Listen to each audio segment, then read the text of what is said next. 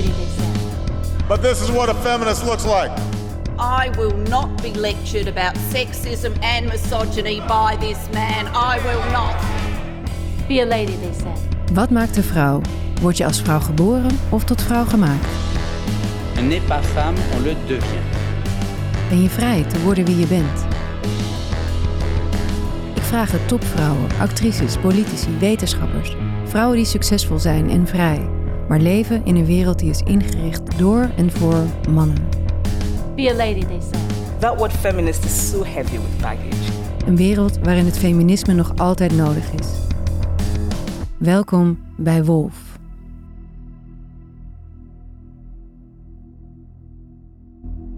Mijn naam is Maartje Lateveer en vandaag eh, interview ik professor Dr. Belle Derks. Belle Derks is hoogleraar sociale en organisatiepsychologie aan de Universiteit Utrecht. Ze is gespecialiseerd in sociale ongelijkheid met een nadruk op genderongelijkheid. Ze werd bekend onder andere met haar onderzoek naar zogenoemd queen bee gedrag, het fenomeen dat vrouwen in topposities vijandig staan ten opzichte van andere vrouwen in plaats van hen te helpen hogerop te komen. Sinds 2016 legt ze zich toe op onderzoek naar seksenstereotyperingen, waarbij ze ziet dat succesvolle vrouwen zich vaak stereotyp mannelijke eigenschappen eigen maken om te voldoen aan de heersende norm. En in 2020 pleitte ze met twee collega-onderzoekers voor de invoering van een Nederlandse emancipatieautoriteit. Belle, welkom. Dankjewel. Laat me beginnen met te zeggen dat je een groot voorbeeld bent voor mij. Je bent een van de jongste vrouwelijke hoogleraren in Nederland. Uh, en je bent niet bang om als zodanig tegen uh, heilige huisjes te schoppen, zoals de traditionele genderpatronen die we hebben. Um, ik weet als journalist dat dat niet makkelijk is. Je komt dan uh, veel weerstand tegen. En jij hebt bovendien nog iets extra's wat ik als journalist niet heb, maar waar ik heel jaloers op ben. Jij hebt het vermogen om onderzoek te doen en te laten zien hoe het anders kan. Um, hoe dat uh, anders kan, daar gaan we het straks uitgebreid over hebben. Maar allereerst de vraag die ik al mijn gasten als eerste stel. Wanneer ben jij feminist geworden? Nou, superleuke vraag. En er zijn twee momenten in mijn jeugd waar die mij echt als een soort flashbulb moment uh, staan waarvan ik denk dat, dat is waar het zaadje gelegd is. Ik, allereerst ben ik opgegroeid in een omgeving waar dat mijn moeder was ook feminist, is feminist. Oh. Um, maar um, Allereerst herinner ik me uh, toen ik een kleuter was dat we uh, tekeningen moesten maken van wat we later wilden worden. Mm -hmm. uh, en toen tekenden alle meisjes zichzelf met een kapje met een rood kruis als zuster. En ik tekende mezelf als computermens. Oh. mijn vader was programmeur. op dat moment. En dat wilde ik ook worden. Dat legde hij mij uit als computermens. En ik realiseerde me toen, hè, waar zijn de afspraken? Ik heb iets gemist waarom doe ik als enige meisje iets anders? Ik heb die afspraak gemist dat dit de bedoeling was. En ik weet wel dat ik toen dacht, hè, wat gek, want we zijn toch... Iedereen mag dat toch zelf weten. Dat was het eerste moment. En het tweede moment was, eh, ik denk dat ik in, toen in groep 6 zat, uh, op een vrij traditionele school waar we handwerken hadden. En toen mochten de jongens ik weet niet wat de jongens deden, maar de meisjes moesten haken. Oh ja. En toen heb ik, heb ik, ben ik toen heel boos over geworden, omdat ik het heel onrechtvaardig vond dat, dat, dat er een scheiding voor was. En toen, wat ik toen gehaakt heb, heb ik toen heel lelijk gemaakt en in zwart. Oh. Omdat de juffrouw, en de juffrouw zei, nee, maar de jongens hebben hier niks aan, de meisjes wel. En dat zijn twee momenten waarvan ik altijd heb gedacht, waar staat geschreven dat je als meisje dat het, dat het nu al bepaald is dat jij bepaalde dingen wel of niet moet doen omdat je een meisje bent. En, wow. uh, um, ik weet niet wat het in mij was dat mij dat zo boos maakte. Uh, en later in mijn uh, studie uh, is dat iets wat me dus altijd geïnteresseerd heeft en waar ik dus als onderwerp ook in ben blijven hangen. Ja, ik las wel in, de, in een interview met de Volkskrant een aantal jaar geleden dat je zei dat je in het begin je daar niet op wilde vastpinnen. Dat je eigenlijk geen onderzoek wilde doen naar genderongelijkheid, omdat ja, waarom nou ja, eigenlijk? Omdat het, uh, uh, kijk, als je als vrouw onderzoek naar genderongelijkheid doet, dan zullen mensen natuurlijk zeggen, ja, je bent gewoon jezelf, je eigen groep aan het promoten en het is heel activistisch. Activistisch zijn is niet altijd handig. Uh, en zeker als je nog weinig macht hebt, uh, is dat mm -hmm. dus iets uh, waar nou ik in ieder geval van wegschrok. Ja. emancipatie komt ook met golven. Dus toen ik student was, toen was dit, stond dit ook niet zo op de agenda. Tenminste, daar was ik me niet zo bewust van. Dus in mijn promotieonderzoek heb ik vooral abstract onderzoek gedaan naar ongelijkheid. Mm -hmm. En pas later um, ben ik het toe gaan toepassen, ook onder invloed van mijn promotoren die daar al wel mee bezig waren, op genderongelijkheid en gender emancipatie. Uh, omdat ik daar wel de kennis over had. Maar ja, dus ik denk dat het. Je moet, eh, je moet enige. Nou, ik vond in ieder geval. Ik vond het makkelijker om dat te doen toen ik eh, eenmaal wat verder was. Ja, dat je iets meer mandaat had en iets meer misschien respect had verdiend. In ja, de en inmiddels ook meer ervaringen. Dat je denkt, oh, dit is wel echt iets. eh, kijk, ik denk dat veel eh, jonge mensen zich helemaal niet realiseren dat dit nog steeds een probleem is. Mijn studenten die denken, ja, dit ga ik niet meer meemaken. Maar als je verder komt, als je zo je eerste baan hebt en zo, dan realiseer je, ja, er is dus wel een verschil. Ja, ik moet zeggen dat ik dat ook eh, lang heb gehad hoor. Dat ik als jonge vrouw ook dacht, wat is dat eigenlijk een onzin, die, die feministen. Dit is toch, we zijn toch gewoon gelijk voor de wet. En jij ziet in jouw onderzoek dat dat niet zo is. Kun je kort uitleggen waaruit die ge- genderongelijkheid dan bestaat? Als Nou we ja, niet meer ik- voor de wet ongelijk zijn, bedoel ik. Ja, ik bekijk dat natuurlijk vanuit eh, psychologische eh, aspecten. Dus eh, ik ben arbeids- en organisatiepsycholoog. En dan kijken we naar hoe kunnen mensen tot bloei komen in hun werk. En wat is de invloed van de omgeving daarvan, daarop. En ik vind het heel interessant om te zien dat mensen die dezelfde kwalificaties hebben... zulke andere paden bewandelen omdat ze man en vrouw zijn. En genoeg onderzoek laat zien dat er niet zoveel verschillen zijn... tussen de kwali- kwaliteiten van mannen en vrouwen. Maar gedurende de carrière hebben ze andere ervaringen en worden ze in andere paden eh, geplaatst. En het werk is natuurlijk niet alles wat je doet in je leven. Dus je maakt daar gewoon in keuzes om het een beetje soepel te laten lopen. Mhm. Wat zijn die eh, aspecten? En, en in mijn werk zie ik dan dus dat het te maken heeft met de verwachtingen die er zijn van mensen. De opties die mensen hebben, bijvoorbeeld om werk en gezin te combineren. En daar zit veel verschil in voor mannen en vrouwen, die tot ongelijkheid leidt in, eh, in kansen, in, in opties voor, om leiding te geven, in salaris. Ja. Dat zijn de aspecten waar wij naar kijken in ons onderzoek. Ja, en je zei al, ja, het is maar werk, maar werk is wel een, ja, een steeds belangrijke rol in ons leven gaan spelen. En ook in onze persoonlijke ontwikkeling is het wel ehm, ja, heel belangrijk of we kansen krijgen om ons te ontwikkelen, of we serieus genomen worden. Ja, Dus jij- zeker. jij Maar ik bedoel het meer vanuit individueel perspectief. Dat mensen allerlei keuzes moeten maken in hun leven. Van, en, en het leven gaat ook niet alleen over rozen. Nee. Dus eh, mensen maken steeds keuzes van hoe hou ik dit vol? En dat leidt ertoe dat vrouwen door de combinatie van werk en gezin, door de mantelzorg die ze meer, dat ze langzaam zeggen, nou ja, weet je, er is meer in het leven dan dit werk, dus ik moet gewoon een stapje terug doen. Terwijl voor mannen het heel logisch is om Ja. te zeggen, ik moet hier alles op zetten, want Ja. daar, daar, daar haal ik mij, ontleen ik mijn status aan. Ja, ja, dat mijn- is heel interessant. Daar komen we straks nog even op terug. Maar ik wil het eerst heel graag hebben over jouw eigen werkomgeving. Want jij bent, eh, ik zei het al, een van de jongste vrouwelijke hoogleraren. Nou, inmiddels niet meer. Inmiddels hè? niet meer. nou, een aantal jaar geleden was je wel echt een jonge wetenschapper waar alle ogen op gericht waren van nou die gaat, eh, die gaat de status quo veranderen. Hoe heb jij dat ervaren in een wereld die toch ook bekend staat als een masculien, masculine werkomgeving? Er zijn maar 24% van de ho- hoogleraren in Nederland is, is vrouw. Dat is heel weinig. Ehm, dat wordt wel een beetje meer, maar dat ja. Ja, nou, ik, in mijn eigen eh, vakgebied, de psychologie, ligt dat natuurlijk anders. Mhm. Want daar hebben we 80% eh, vrouwelijke studenten. Ehm, onder de hoogleraren zijn dus, ik denk, 45% vrouw. Dus dat is wel wat anders. Er is Mhm. nog steeds een discrepantie met eh, het aantal studenten, vrouwelijke studenten. Dus die context is wel anders. Ik heb juist ook door het onderwerp wat ik onderzoek, ben ik altijd omgeven geweest door vrouwen. En pas nu ik hoogleraar ben en veel in het bestuur terechtkom, zie ik inderdaad vooral mannen om me heen. Dus ik heb dat niet zo ervaren. Ik heb Mhm. ook altijd eh, hele sterke voorbeelden gehad. Ehm, maar het pas nu dat ik dat, dat ik dat echt zie. Maar daarnaast door het onderwerp eh, heb ik natuurlijk wel veel onderzoek gedaan naar de wetenschap. En waarom zijn er zo weinig eh, vrouwelijke hoogleraren? Daarom is het altijd heel saillant geweest. Maar ik heb dat heel positief ervaren. Omdat in mijn eh, carrière, ik, ik heb het geluk dat ik net in een periode on- dit onderzoek doe doe, terwijl de maatschappij daarom vraagt. Dus ik Mhm. ervaar dat voornamelijk als positief. Ik krijg natuurlijk wel eens rare e-mails eh, van mensen die er Oh ja, helemaal niet... eh, ja, eh, waarschijnlijk van dezelfde mensen. Ja, die daar helemaal niet, fanbase eh, hebben we Ja, maar ik, ik heb het gevoel dat mensen hierop zitten te wachten. En dat motiveert natuurlijk heel erg. Ja, nou je hebt er denk ik ook wel een drijvende, je bent een drijvende kracht daar ook in, denk ik. Maar is, is het, ehm, eh, nu je meer onderzoek ernaar doet en wel ziet dat in andere wetenschappelijke gebieden er weinig vrouwelijke hoogleraren zijn, is dat een, een probleem? Ja, de vraag stellen is een beantwoorden, denk ik. Maar misschien is het goed dat toch even te benoemen. Waarom is het een probleem dat er zo weinig vrouwelijke hoogleraren zijn? Bijvoorbeeld ook in technische studies, eh, gezondheidszorg. Wat, wat Nou ja, daar- het heeft wat mij betreft vooral te maken met eh, wie heeft het voor het zeggen. En als dat vooral mannen zijn, dan zijn er verschillende problemen aan. Namelijk dat zij een andere visie op de wereld hebben. Ze hebben andere ervaringen. En daardoor als leidinggevende en als bestuurders zullen zij allerlei zaken die voor vrouwen belangrijk zijn, eh, niet overzien. Dat is natuurlijk een probleem. Als voorbeeld Ehm, eh, nu er steeds meer vrouwen bijvoorbeeld in de beta-wetenschappen komen, eh, zien zij eh, maar weinig vrouwen aan de top.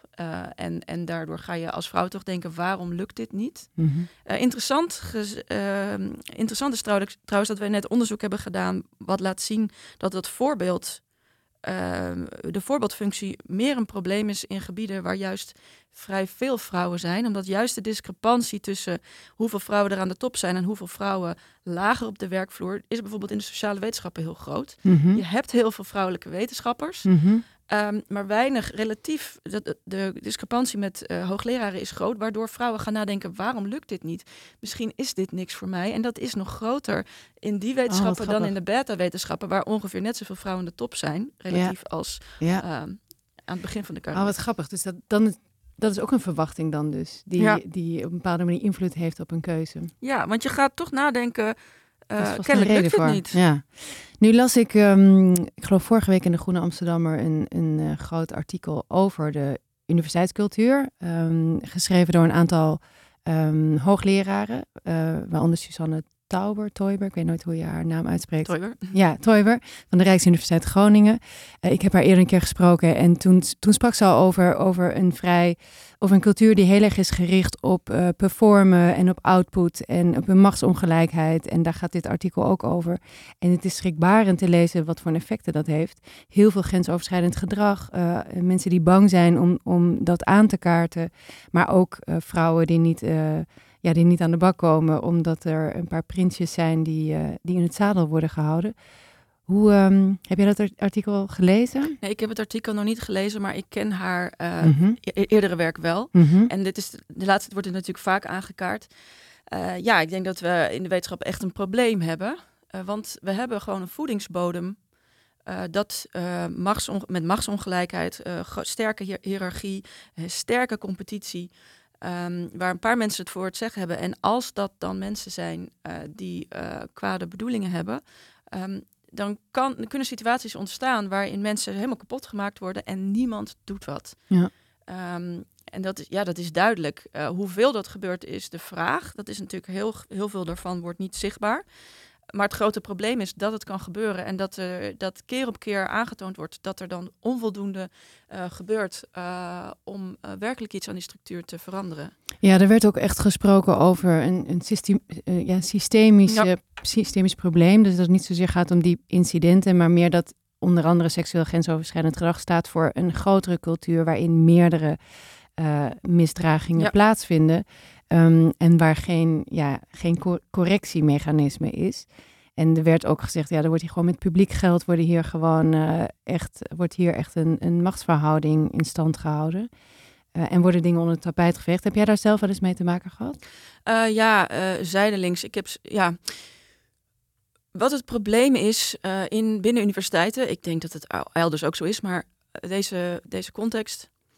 ehm, er zijn, als je het heel goed doet, veel geld binnenhaalt, als mensen je zien als een superster, dan kan je gewoon veel te veel maken. En de mensen die daar schade eh, van hebben, want ik hoor veel verhalen. Ik, heb bijvoorbeeld bij de jonge academie gezeten, waardoor je ehm, eh, mensen uit allerlei wetenschapsgebieden eh, spreekt. En ik heb veel verhalen gehoord van mensen die in labs zitten bij supersterren. Eh, die ehm, daar te weinig ruimte krijgen en daar helemaal niks aan kunnen doen. Die een hele onveilige werkcultuur hebben. Mhm. En waarbij uiteindelijk eh, de hoogste bestuurders binnen universiteiten toch zeggen: eh, ja, heel vervelend, maar deze persoon kunnen wij niet missen. Dat dat kan ontstaan, en daar zijn een heleboel oorzaken voor, onder andere hoe wij wetenschapsgeld verdelen in Nederland. Eh, don't get me started. Ehm, ehm, maakt dat het een voedingsbodem is voor dit soort eh, situaties. En het, het, is gewoon niet goed genoeg. Nee. Uh, en daar ben ik het wel mee eens dat, dat we, dit is publieks, uh, publiekelijk geld. En we regelen het niet goed genoeg. En het vervolg is dat allerlei mensen zich onveilig voelen. Seksueel grensoverschrijdend gedrag, maar ook ander, anderszins onveilig gedrag. Um, en dat, dat, dat kan gewoon niet. Want daardoor zijn allerlei, ook gewoon alleen al voor wat er uit de wetenschap had kunnen komen, als mensen wel tot bloei kunnen komen. Ja, want dat is, dat is ook nog een, zorg. Je hebt aan de ene kant natuurlijk dat, dat gedrag wat mensen gewoon schaadt. Waardoor eh, vrouwen eh, worden getraumatiseerd, meestal vrouwen worden getraumatiseerd of weggepest of wat dan ook. Maar het gaat ook om de kwaliteit. Want wat betekent goed doen? Eh, dat is natuurlijk de vraag. Als iemand een superster is, maar wel ehm, ja, zorgt voor een angstcultuur, in hoeverre creëer je dan een goed wetenschappelijk klimaat, eh, een academisch klimaat, waarin on- goed, goed onderzoek kan worden gedaan? Nou, een van de dingen waar het al mee begint, is ehm, dat mensen die de wetenschap ingaan, eh, het beeld hebben van. eh, we hebben onderzoek gedaan, gekeken van wat voor beeld hebben mensen nou, eh, hoe je in elkaar moet zitten om de top te gaan bereiken. Mhm. En daarbij hebben we specifiek gekeken naar eh, ehm, eigenschappen die meer te maken hebben met competitie en eigenschappen die meer te maken hebben met samenwerking. Ehm, en eh, nou, het is overduidelijk dat waar mensen samenwerken, dat je dus ook mensen moet hebben die dat goed kunnen eh, en die daar zich voor willen inzetten. En wat we zien in dat onderzoek is dat ehm, eh, wetenschappers, dat is een groot onderzoek onder allerlei wetenschappers op alle niveaus, dat mensen het idee hebben dat om, om succesvol te zijn, in de zin van dat je promotie kan maken, dat met name die ehm, competitie voor jezelf gaan, veel publiceren, beter zijn dan anderen, gezien wordt als veel belangrijker eh, en veel diagnostischer voor hoe succesvol ga je zijn dan eh, ben je een fijne collega, ben je een goede mentor, eh, geef je goed onderwijs, eh, ben je een teamplayer. Eh, terwijl als je dan vervolgens mensen vraagt, maar wat ben je zelf? Dan zijn de meeste mensen in de wetenschap gemiddeld genomen meer juist teamplayers. En dat is wat, ze, wat het werk leuk maakt. Maar als je kijkt naar de mensen aan de top, dan zijn dat gemiddeld genomen meer mensen die zichzelf inderdaad als competitief beschrijven. Dus er is waarschijnlijk een selectie-effect Mhm. gaande. En ook waarschijnlijk een soort op, op ehm, eh, hoe noem je dat? Ehm, mensen worden die kant op, Ja, ja. eh, op gepusht van dit is hoe je je moet gedragen. Met als gevolg dat die mensen aan de top vooral goed zijn in geld binnenhalen, voor zichzelf gaan, maar niet goede leiders van teams zijn. En dus bijkomend effect niet goed zijn in een, in een veilige omgeving creëren. Maar dit klinkt een beetje als het bedrijfsleven. Ja, Dit onderzoek zou je zo volgens mij ook in het bedrijfsleven kunnen doen met, met dezelfde gevolgen. En eh, het frappante daarin is, is dat de eigenschappen die je noemt, dat zijn de eigenschappen die we, die we klassificeren als masculine eigenschappen. En die andere eigenschappen als feminine eigenschappen. Dus hier zie je ook een enorme gendered, eh, gendered eh, opvatting van hoe goed eruit ziet. Ja, Herken zeker. Ja, en dat zagen we ook in dat onderzoek. We zagen geen verschillen tussen mannen en vrouwelijke, vrouwelijke wetenschappers in hoe ze zichzelf beschreven. Dus het is niet zo dat mannen competitiever zijn dan vrouwen. In ieder geval niet Mhm. in, deze, in deze context. Ehm, maar voor vrouwen was dat, eh, werd dat meer, die zagen dat meer als een barrière om verder te komen. Dus de vrouwen hadden ten eerste een idee eh, dat het heel competitief was. Dus die zagen die competitie sterker. Die zagen daardoor ook een groter verschil tussen wat moet ik zijn en hoe ben ik. Mhm. En dat voorspelde dat vrouwen meer dan mannen, met name jonge wetenschappers, zeiden: Ik denk niet dat ik hier over vijf jaar nog rondloop. eh, en ik identificeer me ook niet zo met deze cultuur. Dus dan zie je meteen al een van de gevolgen van zo'n zo'n cultuur voor wie voelt zich daar thuis en wie heeft het gevoel: ik mag hier zijn. Ja, dat is wel interessant. Dat is in het bedrijfsleven. In eh, Harvard heeft daar een, een groot onderzoek naar gedaan. Waaruit blijkt dat ehm, de reden waarom de meeste vrouwen op een bepaalde leeftijd weggaan uit het bedrijfsleven ook is. eh, om wat jij zegt, ik voel me niet thuis in deze cultuur. Dus het is niet zoals veel mensen aannemen om voor de kinderen te gaan zorgen. Nee. Of, eh, of omdat, ze het, eh, ja, omdat ze de ambitie missen.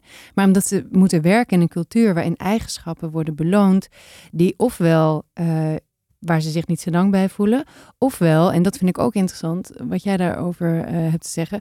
Ofwel dat als zij die eigenschappen tonen, dat ze dan tegen allerlei andere weerstand aanlopen. Want een vrouw hoort toch niet die eigenschappen te vertonen als competitief. En, eh, Exact, ja. Ja, dat is, ja. ja dat, dat, dat zien we natuurlijk steeds terug. Dat ehm, vrouwen die die eigenschappen wel laten zien. Ik bedoel, je ziet dat nu in de politiek, al die kritiek op Kaag. Nou, je kan er van alles over zeggen, maar ik denk dat dit er ook een onderdeel van is. Van eh, een vrouw die zich ehm, dominant gedraagt. Als we daar naar kijken, dan vinden we dat een heel naar mens. Want, Mhm. want ze mist de warmte die we van vrouwen verwachten. En ook eh, bij vrouwen denken we eerder, wie denkt ze wel dat ze is? ja. Maar het gevolg daarvan is dat, eh, dat je als vrouw dus niet zo makkelijk eh, die eigenschappen kan gebruiken om verder te komen, want je wordt er eh, eh, op afgestraft. ja. Dus we zetten de regels zo op ehm, eh, dat eh, vooral mannen daarin kunnen slagen, omdat als ze dat laten zien, dan denken we, oh nou, die is competent. Ehm, ehm, en, en ja, dat maakt het voor vrouwen moeilijker eh, om, om verder te komen. Ik moet denken aan eh, een van de eerste reacties die ik kreeg toen ik eh, net in het Financiële Dagblad mijn, een column had over man-vrouw verhoudingen. Toen kreeg ik letterlijk een mail waarin stond: Wie denk je wel niet dat je bent? Ja. Om in mijn krant hier over eh, man en vrouw te schrijven. Maar dat er zeiden, wat, ik, wat mij opvalt is dat ik zelf ook die bias heb. Want Ja. eh, nu, jij noemt nu Kaag. Ik merk dat, dat ik mezelf ook betrap op de gedachte. Nou, in elk geval op, op teleurstelling. Want ik vind hoe ze dit grensoverschrijdend gedrag binnen D66 nu aanpakt, vind ik gewoon echt best wel laakbaar. En dan, dan merk ik dat ik daar toch geschokter om ben dan wanneer het een man is. Want bij een man, nou ja, Wat had je dan verwacht? precies, verwacht ik het min of meer. Denk ik, nou ja, dat, dat kennen we al. Maar ja, bij haar denk ik toch, oh, hè? Maar dit had ik helemaal niet verwacht. Ja, nou dat laat veel onderzoek ook zien. Hè. Het is niet alleen dat we dat dominante van vrouwen niet verwachten, maar dat we een dubbele standaard hebben op het gebied van, van ehm, eh, samenwerken, warm zijn. En Ja. dat vrouwen dus alleen dominant kunnen zijn als ze ook heel warm zijn. Dus ze moeten zich op twee vlakken Ja, heel goed doen. ja. Dus ja. Dat is ingewikkeld, hè? Ehm, nu komen we eigenlijk naadloos al in jouw onderzoeksgebied, namelijk de stereotyperingen, ook wel de gender bias. Eh, die, de bias die we net noemden heet in Amerika de tightrope bias. Ehm, het wankele koord waar vrouwen op moeten, moeten wandelen. Welke gender bias zie jij nog meer die in het nadeel van vrouwen werken? Of in het voordeel? Ehm, nou, wat ik het laatste tijd heel veel tegenkom, vind ik wel heel interessant. Kijk, het is goed dat in het, op het gebied van leiderschap ons beeld van wat is een goede leider verandert. Dus een leider moet niet alleen maar meer dominant zijn. En ook leiderschapsonderzoek laat zien dat de beste leider juist die twee dingen combineert. Hè? Van ik, ik, ik geef aan waar we heen moeten, maar ik heb ook oog voor wie er eigenlijk voor me werkt en wat zij nodig hebben. Dus dat is een beetje dat stereotypisch masculine en feminine combineren. Maar wat ik nu heel vaak zie, ook als ik organisaties spreek, is dat ehm, eh, ze dat, dat noemen we dan vrouwelijk leiderschap, dat omarmen we. Maar dat is wat we dus nu van vrouwen verwachten. Dat is wat zij moeten brengen. En dat geeft dus een Ja. nieuw eh, ehm, eh, harnas, of hoe noem je dat, een, een hokje waarin vrouwen moeten passen. Dit is wat zij nu in organisaties eh, mogen komen brengen. Eh, maar dat is, niet, dat is nog steeds eh, heel eh, bevooroordeeld. Zij Eh, moeten het, het nieuwe leiderschap brengen waar iedereen op zit te wachten. ja, dus alles waar vrouwelijk voor staat, ik ben daar altijd een beetje allergisch voor. ja, bestaat vrouwelijk leiderschap volgens jou? Nou, in de zin van dat er eh, eigenschappen zijn die we met vrouwelijkheid en mannelijkheid associëren. Dus ja, maar dat, komt, dat, dat kan je vrouwelijkheid noemen, maar het hoeft niet van vrouwen te komen. Iedereen zou dat moeten doen. Ja. En waarom noemen we die eigenschappen masculin en feminien? Want je zei net al, ja, onderzoek wijst toch wel aan dat er niet zoveel verschillen zijn tussen mannen en vrouwen. Nee, waarom houden we zo, anno 2022, zo vast aan die termen, masculin en feminien? Nou, misschien moeten we er ook maar eens van af. Maar waar het vandaan komt, is het is niet zozeer het mannelijke en het vrouwelijke, maar de associaties die we ermee hebben. En die stereotypen over masculin en feminien, ja, die zijn nog steeds heel sterk. Ja. Dus in die zin klopt het wel dat je het zo noemt. Maar eh, het staat er ook wel vooruitgang in de weg. Ja, want je denkt, je koppelt automatisch dan toch masculin aan een man en feminien aan een vrouw. En ik moet zeggen, het wordt ook wel een beetje gecultiveerd door alles wat we zien, door reclames, door films, door nou ja, de cijfers, door de, weet je, de baas van ons land is nog altijd een man. En als het een vrouw is, nou ja, je zei al, dan krijgt ze het zwaar te verduren. Wat, wat, hoe zouden we kunnen loskomen van die termen? Ja, ehm, nou, zelf probeer ik in het onderzoek het dus meer te hebben over eh, competitief en coöperatief. Iets wat je Mhm. alle twee wel nodig hebt. Mhm. Maar ehm, we hebben voorbeelden nodig van mensen die het anders doen. Op het moment denk ik dat we het meeste hebben aan eh, mannen eh, die laten zien eh, dat zij het vrouwelijke ook hebben. Want ik denk dat daar de voordelen nog groter zijn. We, accepteren inmiddels dat vrouwen werken, dat vrouwen eh, wat te melden hebben, dat vrouwen competent zijn. Maar we accepteren veel minder dat, eh, dat mannen ook eh feminine eigenschappen hebben Mhm. en die in kunnen zetten in hun werk. Dat mannen feminine rollen kunnen hebben, bijvoorbeeld in Mhm. een thuissituatie. Mhm. Ehm, en het onderzoek laat zien dat daar eigenlijk de grootste barrières zijn op dit moment. Dus de bias die tegen mannen zijn eigenlijk. Of die over tegen mannen, en jongens en of zij hun genderrol los mogen laten. Dat vind ik wel interessant, want eigenlijk hebben we ehm, voor vrouwen, daar hebben we het al heel lang over. Dus Ja. die vrouwelijke stereotypen, die kennen we ook allemaal wel. Daar hebben we vocabulaire voor. En daar is een heel discours al, nou ja, dankzij het feminisme is daar al voor op gang gebracht. Waardoor vrouwen in elk geval nu meer mogelijkheden hebben, meer alternatieven om, om vrouw te zijn. En dat moeten ze wel of niet bevechten, maar voor mannen eigenlijk, als je daarnaar kijkt, die hebben dat discours helemaal niet. Er is niet een soort mannelijk feminisme, althans niet echt heel Nou ja, het is er wel, maar het is heel. Daar, daar zijn de discussies eigenlijk nog veel eh, naarder. En kijk, wat ik heel interessant vind. Kijk, we hebben een systeem waar, waarbij we 50 jaar geleden nog veel meer genderongelijkheid hadden dan nu. Dus er is verbetering. Maar we gaan dus naar een eh, weg van een status quo. Eh, en wat je dan ziet is dat er steeds nieuwe mechanismes geïntroduceerd worden om toch weer terug te gaan naar die status naar die quo. status quo. En een van de dingen waar je dat nu veel, een van de domeinen waar je dat nu eh, het meest ziet, denk ik, is dat mannen mannen moeten zijn. Mhm. Dus je ziet dat eh, in, eh, nou bijvoorbeeld de dingen die eh, Baudet eh, zegt, Ehm, eh, de, de, de, eh, de weerstand die mannen ondervinden als ze bijvoorbeeld ouderschapsverlof of partnerverlof op willen eh, nemen. Ehm, als je, ehm, jij hebt ook eh, kinderen. Heb je Ja, één ook een- dochter Oh, je van hebt een dochter. ja. Nou, ik heb ook een zoon. En ik merk ik heb een dus. stiefzoon. Ik merk de verschillen. Ja. Ja, want je, ook als moeder merk ik dat ik het heel makkelijk vind om mijn dochter. nou, dochters moeten stoer zijn en, en, en je hoeft, moet niet vasthouden aan dat meisjesachtige. Maar waar mijn zoon eh, dus meisjesachtige dingen wil doen, ik merk dat ik daar ook. Hij wil bijvoorbeeld oorbellen. En dan denk je, oei, eh, Ja. ja. als je dat wil, dan moet ik dat niet tegenhouden. Maar dan weet je dat hij daar veel meer moeite mee gaat hebben dan dat mijn dochter jongensachtige dingen doet. En dat is waar de weerstand eh, op dit moment nog groter is. Mannen, mogen mannen zichzelf zijn, mogen mannen feminine kanten ontwikkelen. Eh, en dan zie je dus dat we mannen sukkels vinden als ze dat doen. Dat we eh, ons respect voor hun verliezen, dat we ze verwijfd vinden. Eh, dat is waar de weerstand op dit moment nog groter is. Ja, dus eigenlijk is er ook gewoon een hele, hele angst dan om niet aan de norm te voldoen. Die, die mannen ook ervan weerhoudt om te zijn wie ze zijn. Ja. Ja. Dat, dat is best wel onvrij. Eigenlijk. Zeker, zeker. Dus als we het hebben over genderongelijkheid, dan bestaat altijd zo het idee dat mannen vrij zijn en vrouwen niet vrij zijn. En dat dat hersteld moet worden. Maar Nee, dat is, ik, dat is sinds ik me dat realiseer. eh, ik, ik hoor veel verhalen dus van, eh, van jonge mannen, bijvoorbeeld mannen op de Pabo, die zeggen: Ja, ik zit op de Pabo. Nou, ik ben een minderheid natuurlijk. Maar mensen verwachten nu dat ik eh, dit doe omdat ik directeur van een school wil worden. En als ik bij de, met de kleuters wil werken, omdat ik dat een interessante leeftijdscategorie vind, dan vinden mensen dat suspect. Dus dan denken ze dat ik homo ben. Weet je, het- Ja. oh, voor mannen is, is er ook allerlei gebrek aan bewegingsvrijheid. ja, en is daar iets. ehm, eh, wat, wat kunnen we doen tegen dit soort stereotypen? Je zei net al, ja, we hebben voorbeelden nodig. Maar dan hebben we dus hè, mensen die het anders doen. Dan kijken we met name naar vrouwelijke rolmodellen. Daar gaat het steeds over in bedrijven. Maar wat, wat Nee, kunnen nee, we hier... mannelijke- rolmodellen Ja, hebben we nodig. ja. Mannen die gewoon meer vrouw zijn. Of meer feminine bijvoorbeeld eigenschappen een, eh, laten zien. een, een Lodewijk Asscher die jaren geleden zei dat hij, eh, dat hij dus altijd zijn kinderen naar school bracht. Ja, het is een klein iets, eh, zou je zeggen, maar het heeft veel effect gehad. Andere, daarmee verschuif je het beeld dat dat iets is dat, dat, dat de vrouw regelt.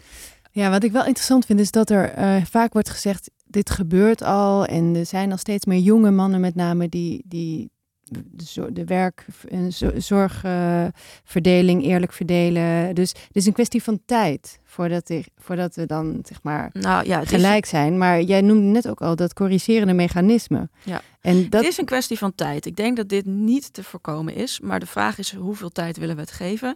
En als er duidelijke mogelijkheden zijn om dat te versnellen, eh, willen we dat doen? Nou, Ja. ik zeg ja. ja, ik ook. Eh, ehm, nou, een van de dingen waar we bijvoorbeeld onderzoek naar doen, wat ik heel interessant vind, is, eh, we hebben het altijd over werk, maar heel veel gebeurt natuurlijk in de thuiscontext. en heel veel ehm, verschillen tussen mannen en vrouwen worden bevestigd in heteroseksuele relaties. Mhm. Ehm, wij doen bijvoorbeeld onderzoek naar heteroseksuele relaties waar de vrouw meer maatschappelijk succes bereikt dan de man. Eh, wat gebeurt er dan? Nou, dan zie je dat mannen, eh, als de omgeving doorheeft, want dit is vaak iets wat groeit, hè? Mhm. Eh, vrouwen die heel maatschappelijk succesvol zijn, vinden niet zomaar een man. Want Mhm. mannen hebben liever, vrouwen en mannen hebben liever een partner die voor een vrouw die een man die wat meer verdient. Ja. Maar dat kan zo groeien in een relatie. En dan zie je dus dat mannen daarop aangesproken worden van, oh, verdient zij nou meer dan jij? En het zijn allemaal grapjes. Maar het is Maar wel toch, heel irritant. het wordt want opgemerkt. vertelt, jij, het Ja. vertelt jou dat dit toch niet klopt. Ja, en dat is interessant, want jij doet ook onderzoek naar het zelfbeeld. Wat doen al die stereotyperingen en stigmatiseringen met het zelfbeeld van, van mensen? En dit, dit is een voorbeeld van een stereotypering dat gewoon echt raakt aan, aan, je, aan je status of aan Ja. je gevoel van wie mag je zijn. Ja. Heb jij dat zelf als vrouw ervaren? Die invloed van die, van die stereotyperingen of verwachtingen op Ja. jouw zelfbeeld? Ja, ik heb het zelf, maar dit is persoonlijk, ehm, het meeste met eh, emoties. Mhm. Ik, altijd als ik eh, moeilijke dingen meemaak, zeker in het werk, dan heb ik altijd zo'n stemmetje in mijn achterhoofd. Ehm, je mag nu niet eh, zeiken. je moet rustig blijven. Want vrouwen worden al snel gezien als over emotioneel. Ik maak genoeg mannen mee die heel erg boos zijn. Ehm, ik heb in mijn werk ook wel eens dat ik heel erg boos ben. Maar ik, ik, eh, ik denk dat meer vrouwen dat hebben. Als ik boos ben, dan ga ik ook huilen. En ik heb in meerdere situaties gezeten dat ik, dat ik ga huilen. eh, uit frustratie. ehm, en dat ik in interactie met een man, dat ik dan even moet zeggen: Ja, hier moet je niet op letten. Dit is nou eenmaal hoe ik reageer als ik boos ben. Deal with it. Maar het voelt altijd als een enorm verlies. Terwijl ik me afvraag of mannen dat nou zo snel hebben als zij, hun, hun- als zij boos worden. Ehm, nou, dus dit is een domein waar ik het eh, erg ervaar. Dat, dat, dat stereotype van: Oh ja, ze, gaat, ze, ze zal wel weer eh, hysterisch worden. Ja, wat, wat eh, ik altijd merk, ik, word, ik ga niet huilen als ik boos word. Ik word heel boos en dan word ik altijd heel fel genoemd. Hmm. Terwijl als een man boos wordt, dan is dat gewoon heel daadkrachtig. Ja. En dat is, ik vind dat heel vervelend. Dat hindert mij echt in, mijn, in het uiten van mijn gevoelens. Want ik ga me dan inhouden of ik ga me heel slecht voelen over mezelf. Terwijl ik vaak wel gewoon reden heb om boos te zijn. En dat, dat zit gewoon een gezonde uiting van gevoelens in de weg. En ehm, ik, ik sprak ook vorige week met, de, met een man die had daar een verklaring voor. Die zei, ja, er gebeurt gewoon iets met mannen als ze een sterke vrouw zien. En ik, zei, ik vroeg meteen, maar wat is dan een sterke vrouw? En ze zeiden, ja, nou, een vrouw die eh, een mening heeft gewoon. En ik dacht echt, oh, oké, dus je bedoelt gewoon een vrouw die, die zegt wat ze vindt. Dat wordt dan alweer meteen een sterke vrouw genoemd, terwijl een man nooit een sterke man wordt genoemd. En zo ook, ja, als een vrouw dan boos is en niet erbij helpt, dan is ze fel. Terwijl, ja, als een man boos is, dan is die gewoon boos. Nou ja, iets anders wat ik op dit moment ook wel vind. We hebben het er zoveel over en dat is goed. Maar daardoor merk ik ook dat veel mannen eh, ook gewoon heel bang zijn om het verkeerd te doen. Dus heel veel mannen zijn Ja. van eh, eh, goede wil en willen wat veranderen. Maar ze vragen ook vaak, ben ik nou te... Ja. te wat ik nu gezegd heb, is dat oké? Hoe kan ik dit aanpakken? Dus, en ik vind dat ze daar te weinig credits voor krijgen. Want Ja. Er zijn echt heel veel mannen die vinden dat hier iets moet veranderen. Maar zich zo het gevoel hebben dat ze op eierschalen moeten lopen. En dat, dat, Ja, die context is ook niet goed. nee, maar wat zou je daar dan aan kunnen doen? Mo- moeten we dan dat begrijpen en, en het daarover hebben? Of ik weet zelf ook niet zo goed hoe ik daar dan mee om moet gaan. Nou, ik denk dat waar het vaak misgaat is de conclusie je bent fout in plaats van ja, je hebt nu echt iets onhandigs gedaan. Mm. Ehm, en da- daar Dus dat we niet persoonlijk moeten maken. Jij bent fout als mens, maar dit is gewoon even onhandig. Dit, dit is niet hoe we het zouden moeten doen. Zoals je het nu gezegd hebt, lijkt me niet handig. Nee, Eh, maar dan moet je wel een man treffen die wil leren en die dat, ja, die dus een beetje over zijn eigen schaduw heen kan Ja, maar stappen. dit, dit En- geldt niet alleen voor mannen, maar mensen die aangesproken worden op gedrag. eh, Klopt, met, met ja. ja. je bent gewoon fout. Ja, dan gaat, dan, dan gaat het nooit meer goed komen. Nee. Dus, dus daar is echt wel winst te behalen. Daar is winst te behalen. Ja, de implicatie van veel bias trainingen is inderdaad, je, je bent niet goed, je moet anders zijn of je moet anders denken. En dat vindt inderdaad niemand, vind ik ook niet leuk. Ehm, ik merk wel dat ik een beetje moeite heb met mannen die dan zeggen, ja, ik voel me gewoon een beetje ongemakkelijk nu. En dan denk ik, ja, Ja. nou, welcome to mij? my world. ik bedoel, het is een soort recht op ongemak lijkt het wel, wat, Ja. wat mannen zwaar eh, bevechten nu. Maar misschien wordt het, ja, ik weet niet hoe jij daar tegenaan Nou, kijkt, ja, wat maar- ik wel eens irritant vind als ik er met mannen over heb. ehm, dat zij niet zien dat dit ook hun taak is om hier wat aan te veranderen. Ehm, we moeten echt. Er zijn zoveel vrouwen hier hard mee bezig en ook wel wat mannen. Maar ja, mannen die zeggen: Ja, maar ik kan hier niet zoveel aan doen. Dit is niet mijn gevecht. Denk ik: Nee, dit is ook jouw gevecht. Ja. ja, want dat is een goeie. Wat hebben mannen erbij te winnen? Dat, dat realiseren ze zich denk ik eh, niet. Wat, wat, wat, wat zou jij zeggen? Nou, net als vrouwen is het, is het eh, kijk, mensen hebben talenten en hebben ambities. En die zijn gedeeltelijk beïnvloed door al dit soort eh, eh, stereotypen. Ehm, maar als je de gemiddelde man spreekt, dan voelt hij ook allerlei beperkingen in wat hij eigenlijk zou willen doen. Mhm. Dus dat hebben ze erbij te winnen.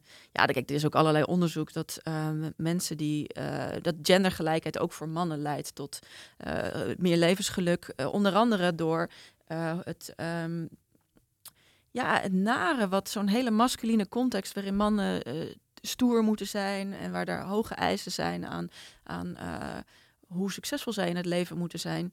Hm. Ehm, ja, dat, dat is, eh, daar, daar hebben zij veel winst bij te behalen. In een, in een levensloopperspectief zie je nu dat veel mannen die met pensioen gaan, die altijd heel hard gewerkt hebben, dat die in een enorm gat vallen, omdat ze zich op één ding gericht hebben. Ja, meer algemeen is het zo dat als je je leven op meer dingen richt, dan, dan heb je iets om op terug te vallen. ja. Eh, dat is denk ik ook een van de redenen dat als, als eh, een man zijn partner verliest, dat hij eerder overlijdt dan wanneer een vrouw haar partner verliest. Het is gewoon omdat mannen, zeker in de, lang geleden, ehm, ja, er werd voor ze gezorgd. Ja, het is wel grappig. Een vriendin van mij die werkt nu in een eh bejaardentehuis met eh, demente mensen.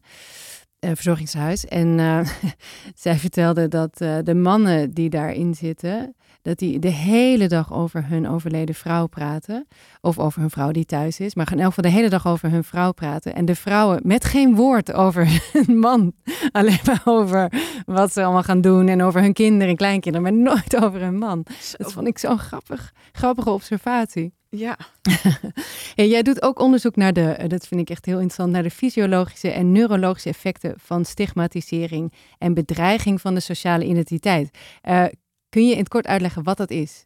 Nou ja, kijk, als je het over dit soort, eh, as- dit soort onderwerpen hebt, dan zijn er een heleboel eh, dingen die een beetje vaag zijn. En je kan mensen wel vragen van, bijvoorbeeld als je wil weten hoe seksistisch mensen zijn, whatever that may be, ehm, het is heel moeilijk te meten. En wij doen bijvoorbeeld nu onderzoek naar ehm, als er dingen veranderen in verhoudingen tussen mannen en vrouwen, hebben mensen daar last van? Hebben ze daar stress van? Hoe is het om over een, een, man en een vrouw die samen praten over genderongelijkheid? Hoe ongemakkelijk is dat?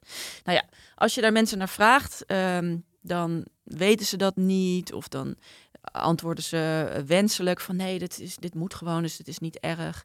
Je kan het gewoon fysiologisch meten. En wij, zo hebben we bijvoorbeeld onderzoek gedaan naar als een man en een vrouw um, samen praten over uh, de veranderende verhoudingen tussen mannen en vrouwen, dan voelen veel mannen zich daar op een fysiologisch niveau heel ongemakkelijk bij. Omdat ze, nou, mogelijk ook omdat ze denken, ja, ik, ik, dit, dit, klopt ook allemaal niet en er moet ook wat veranderen, maar ze voelen zich ook onmachtig. Wat moet ik daaraan doen? Word ik beschuldigd van seksisme?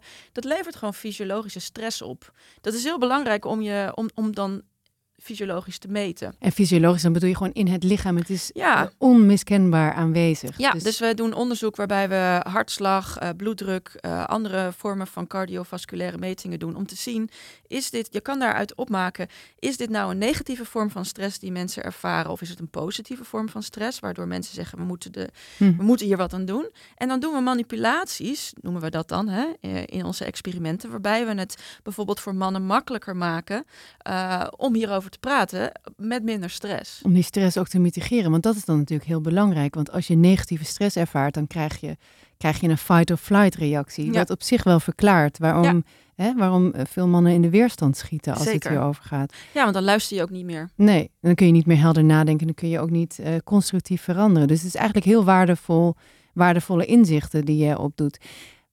Wat doen we er vervolgens mee? Wat, wat kunnen we doen als, um, als land, als, als individu of als maatschappij om, om die gendergelijkheid te bevorderen en, en dat proces inderdaad te versnellen?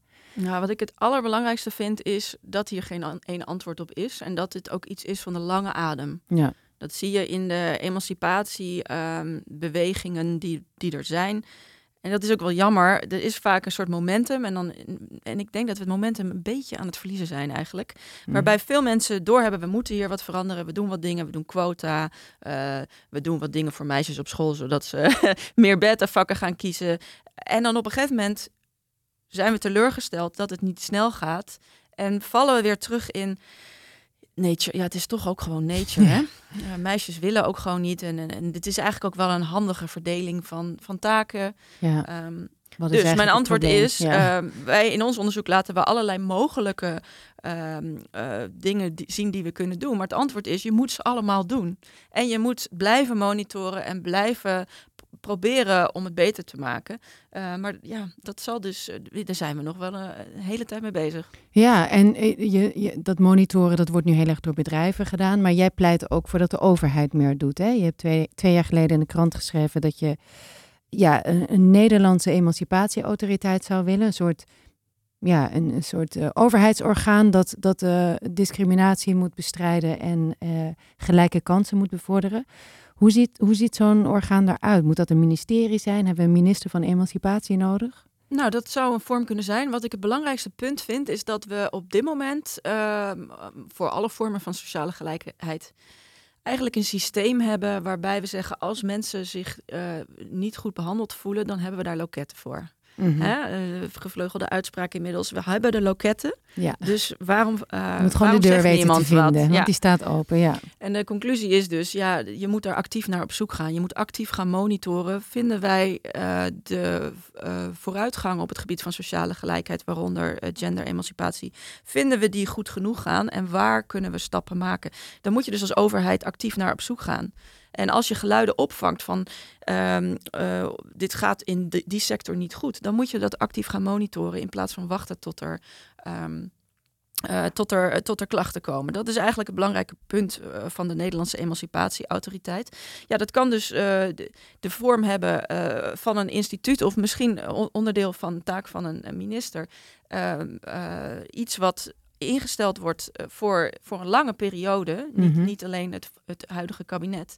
eh, waar je een lange termijn visie kan ontwikkelen op wat zijn de gebieden waar we in Nederland op dit moment eh, de, stappen, de grootste stappen willen nemen. Bijvoorbeeld, we willen meer vrouwen aan de top. Ja. Dan moet je gaan kijken waar gaat het mis en, en gaan monitoren of acties die genomen worden ook echt helpen. Ja, en ik zou ook zeggen dat je dan meer moet doen dan wat nu OCW doet, geloof ik, met eh, de quota voor eh, de RVC.